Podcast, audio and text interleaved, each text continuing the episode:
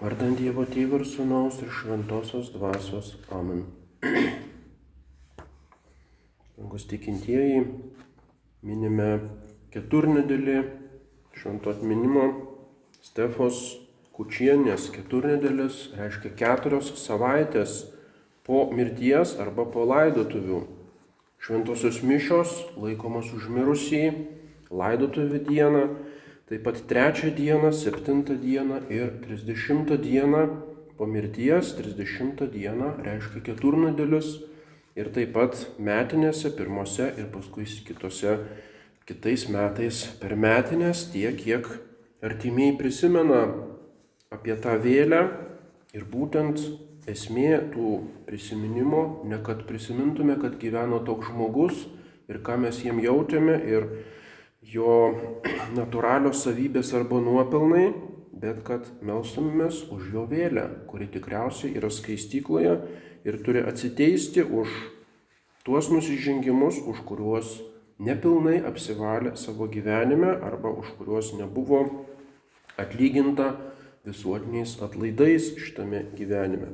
Ir būtent šventosios mišios yra didžiausia dovana šitai sielai Tai yra Kristaus kraujas ant altoriaus, Kristaus auka, kuri išliejama už visas sielas, už visus nusidėlius ir taip pat už mirusiuosius. Ir už vakar 23 dieną pradėjom grigališkasias mišes už Stefos vėlę. Tai yra tokia tradicija per 30 dienų be pertraukos laikomos mišios už vieną vėlę. Ir tikima, kad jinai po šitų 30 dienų tikrai bus išvaduota iš skaistyklos. Tai yra e, galinga dvasinė priemonė, būtent mm, kaip visuotiniai atlaidai jau po mirusiojo išėjimo į amžinybę. Iš kur atsirado tos grigališkosios mišios, kokia yra jų prasmė. Šimtasis grigalius didysis buvo žymus popiežius šeštame amžiuje ir jisai pasakoja, Taip pat jis bažnyčios rašytojas, mokytojas, parašęs e, daugybę veikalų ir vienas iš tų veikalų yra jo dialogas. Dialogai. Ir juose jisai rašo, kaip jisai įsteigė Švento Andrijaus vienuolyną Romoje. Tai buvo vienas iš vienuolinio gyvenimo centrų tuo metu bažnyčioje. Ir štai vienas vienuolis Justas susirgo Ir jisai pats bu, yra buvęs gydytojas ir jisai žinojo, ką tai reiškia susirgti. Ir būdamas vienuolis, jis nesilaikė e, neturto įžado ir buvo pasislėpęs tris aukso monetas, nes galvojo, kas manim pasirūpins tame varganame vienuolyne, aš turiu turėti kažkokių santopų, nes žinau, kiek kainuoja gydytojai, kiek kainuoja vaistai. Reiškia, jis nepasitikėjo Dievo apvaizdą ir nepasitikėjo savo vienuolyno bendruomenę, bet mane, kad pats turi pasirūpinti. Ir kaip trūksta mums dažnai tokio pasitikėjimo Dievu, pasitikėjimo bendruomenę ir kitų pagalba, kai patiems mums grėsia sveikatos problemos ir tada atsiranda tas godumas arba noras visko pačiam pasirūpinti. Ir tas labai supykdė Grigalių, kuris jau tuomet buvo popiežius, ir jisai liepė uždaryti tą justą į vienutę, nors jisai sirgo ir pagrasino jį palaidoti savardynę tarp šiukšlių iš vis nepašventose kapinėse už tokią baisę nuodėmę. Ir vienuoliai, buvo sakoma, prie jo kapo turės pakartoti Švento Petro žodžius Simonui Magui, tam visų erezijų pradininkui, tavo pinigai te pražuvo su tavimi, šventas Petras taip pasakė Simonui, kuris siūlė pinigus už šventosios dvasios galę. Ir štai tavo pinigai te pražuvo su tavimi, tos trys aukso monetos, šitaip turėjo būti pasakyta šitam Justui. Bet Justas labai atgailavo ir mirė iš tikrųjų e, giliai atgailaudamas už savo nuodėmę. Ir todėl Grigalius buvo gailestingas, jo pasigailėjo ir jisai liepė vienuolynę laikyti 30 mišių už jo vėlę, nes jisai tikrai turėjo iškesti skaistyklą už savo įžadų nesilaikymą. Ir po 30 dienų iš tikrųjų Justo vėlė apsireiškė ir pasakė, kad jis buvo išvaduotas iš skaistyklos. Reiškia net už tokį rimtą prasižengimą skaistykla yra užbaigiama, tokia yra šventųjų mišių gale. Ir šita grigališkųjų mišių privilegija iš pradžių būdavo tik tai Švento Andrėjaus bažnyčioje Romoje prie vienintelio altoriaus visame pasaulyje. Ir paskui, kadangi atsirado poreikis tokių mišių, atsirado vis daugiau altorių pačioje Romoje ir vėliau ir kitose bažnyčiose.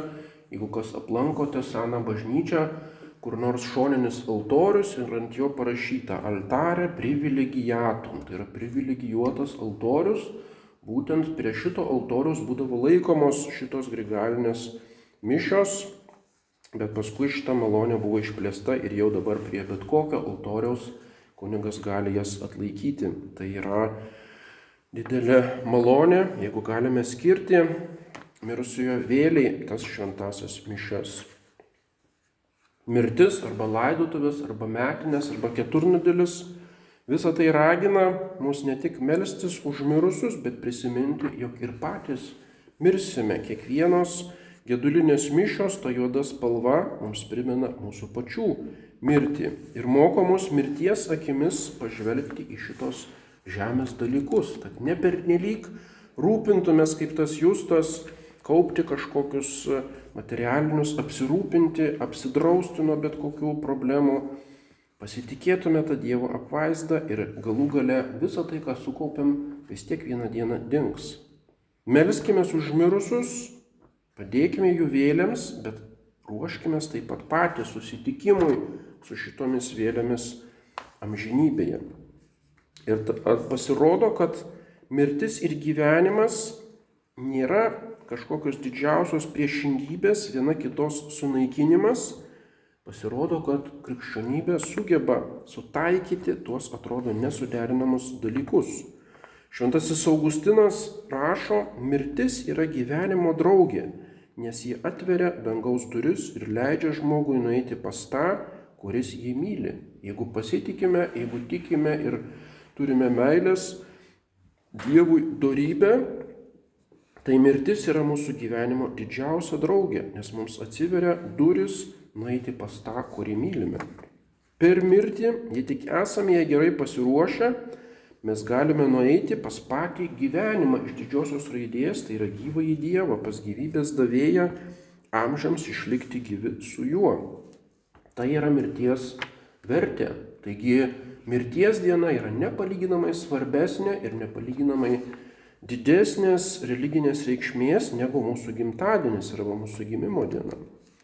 Ir todėl verta nesipykti su mirtimi, o netgi susidraugauti su mirtimi. Prisijaukinti mirtį galima sakyti. Tai įmanoma tada, kada visas gyvenimas yra ruošimasis šitam svarbiausiam gyvenimo akimirksniui, tai yra pabaigai, kada bus nulemiamas visas to gyvenimo e, rezultatas arba kokie buvo jo vaisiai. Šventasis Jonas Bosko klausė žaidžiančių vaikų, ką jie darytų, jeigu žinotų, kad po valandos mirs. Ir vaikai buvo jau išauklėti religiškai ir jie, kaip kad pridera, vienas sako, eičiau atsiprašyti tų, kurias įžeidžiau, savo tėvų, savo draugų, kitas aš bėgčiau atlikti išpažinti ir taip toliau. O Dominikas Sabijo, būsimasis šventasis, sako, aš tiesiog toliau žaiščiau Kodėl? Todėl, kad jo sąžinė rami, kad jis nuolatos pasiruošęs iškeliauti, jis nuolat pasiruošęs išeiti pas tą, kurį jisai myli.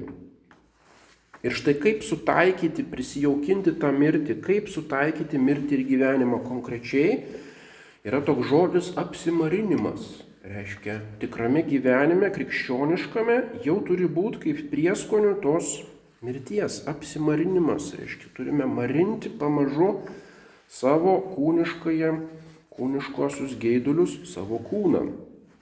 Taip kaip homeopatijoje žmogus gydosi išgerdamas labai mažą dozę nuodingų medžiagų, ar kaip dabar epidemijos, reiškia vakcinos, yra labai maža tokia dozė duodama to viruso, kad jį atsirastų, e, reiškia, imunitetas, kad įveikęs tą nuodingą galę organizmas sustiprėtų, atgautų gyvybinės jėgas Lygiai taip yra su apsimarinimu. Reiškia, jau dabar pratinamės prie tos mirties, kūno instinktų, mūsų nusavybės, ryšių su pasauliu, smalsumo ir taip toliau apmarinimas ne tik tai nesusilpnina mūsų gyvenimo, mūsų asmenybės, negreuna natūralios prigimties sveikų jėgų, bet kaip tik sustiprina ir kūną, ir sielą. Ir jeigu to nedarysime, tai išeis taip kaip Paštas Paulius filipiečiams, jisai e, laiškė filipiečiams, jisai yra sakęs, daugelis iš jūsų elgesi kaip kryžiaus priešai. Jisai sakė tai ne kažkokiems pagonims, o būtent tikintiesiems Filipuose, kurie vengia to kryžiaus, bėga nuo apsimarinimų, nenori nieko atsisakyti iš savo e, kažkokių patogumų gyvenime. Taip pat kitas būdas sutaikyti mirtį ir gyvenimą yra geros mirties meldimas. Tai bus svarbiausias mūsų gyvenimo diena ir reikia melstį, kad ta mirtis būtų gera. Šiandien daug kalbama apie eutanaziją. Tas pats žodis eutanazija, eutanatos reiškia gera mirtis.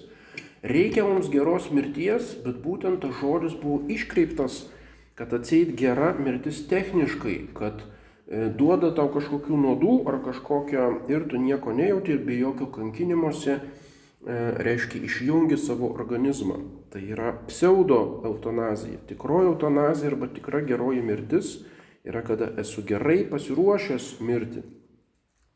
Krikščionys yra už gerą mirtį, bet svarbiausia ne techniškai pats mirimo procesas, kad jisai būtų, reiškia, be kankinimos ir taip toliau, kad būtų techniškai geras, bet kad pasiektume tai, kas bus po mirties. Tai yra tikroji eutanazija arba tikras geras numirimas.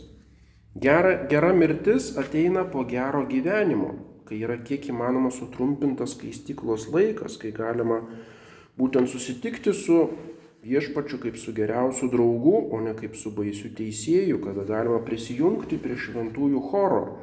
Tai yra geras, gera mirtis, būtent kaip toksai prinokęs vaisius gero dorybingo gyvenimo. Ir dar blogiau, tai yra tas siekis, kad ne tik tai mirtis būtų be kančios, kaip toje dabar eutanazijoje, bet kad mirtis būtų estetiška, kad niekam net nekiltų kažkokie tai estetinis toksai nepasitenkinimas ir iš to kyla ta nauja mada kremavimo, reiškia kūno sudeginimo, kad net nematytum to kūno, liktų kažkokie tai pelenai. Čia yra absoliutus atmetimas visos tūkstantmetės krikščioniškos tradicijos ir kūno šventumo paniekinimas. Kūnas yra šventas, yra pašventintas sakramentais, tai yra šventosios dvasios šventovė ir griežtai bažnyčia drausdavo ir kas išreikšdavo valią, kad jis nori kremuotis, niekada nebūdavo laidojamas su bažnytinėmis apiegomis. Tai būdavo didžiausias nusikaltimas. Tradiciškai būdavo deginami nusikaltėliai, būdavo deginami eretikai, raganos, visokios atliekos ir šiukšlės, bet ne žmogus, ne šventas žmogus, kuris yra pašventintas. Tai yra išpažinimas, e, e, toksai tradicinės laidotuvės yra lyg išpažinimas, kad mes gerbėme šitą kūną ir kad tikime šito kūno prisikėlimu, taip kaip jisai yra palaidotas o netikime į kažkokį ištirpimą tokioje kosmoso dvasioje, hinduistinėje, iš kur būtent ir atėjo šita kremavimo mada, kur yra absoliučiai iš klaidingų pagoniškų religijų ir klaidingo mąstymo kilusi. Ir todėl šitai madai, net jeigu dabar bažnyčia ją ir leidžia kunigai, yra visiškai nepriimtina ir visiškai atmestina ir tikrai negalima su tuo sutikti. Taigi visi tie techniniai būdai nugalėti mirtį, eutanazija, kremavimas ir taip toliau, tai yra iš esmės ne mirties nugalėjimas, o tik tai bėgimas nuo jos, išsigandus, norėjimas užmerkti prieš ją akis, sutvarkyti kažkaip tai techniškai, estetiškai žmogaus organizmą kaip kažkokią negražią atliekų krūvą, reiškia, kad jisai greitai dinktų iš mūsų dėmesio ir mūsų atminties. Tai yra visiškas kapitulacija prieš mirtį. Ir turime priešingai skelbti, kad mirtis yra kažkas sakralaus, kad yra šventas dalykas ir reikia jį su juo elgtis taip, kaip mus moko bažnyčios tradicija. Reiškia gerai ruoštis mirčiai, e, lydėti mirusį, nepalikti į vieną, o su juo melstis iki mirties momento, melstis po jo mirties, užsakyti šventasias mišes, aplankyti kapines ir taip toliau. Tai yra visas tas, visa ta kultūra mirties, kurios mus moko katalikų bažnyčia. Pats viešpats Jėzus suteikė prasme mirčiai ir būtent tai yra didžioji dalis mūsų dvasinio gyvenimo, tas pasiruošimas mirčiai. Šventasis Jeronimas rašo, Jėzus atėjo mirti, kad mirtis rastų mirti jo mirtyje. Jėzus atėjo numirti, kad įveiktų tą mirtį, ne nuo jos pabėgdamas, ne ją pamiršdamas ar apsimesdamas, kad tai kažkokia iliuzija, bet kad iš vidaus ją nugalėtų, kad pati mirtis rastų mirti jo mirtyje. Ir mes galime prisijungti prie šitos Jėzaus Kristaus pergalės prieš mirtį ir būtent per pačią mirtį rasti gyvenimą. Amen. Vardant Dievo Tėvų ir Sūnaus ir Šventosios Dvasios. Amen.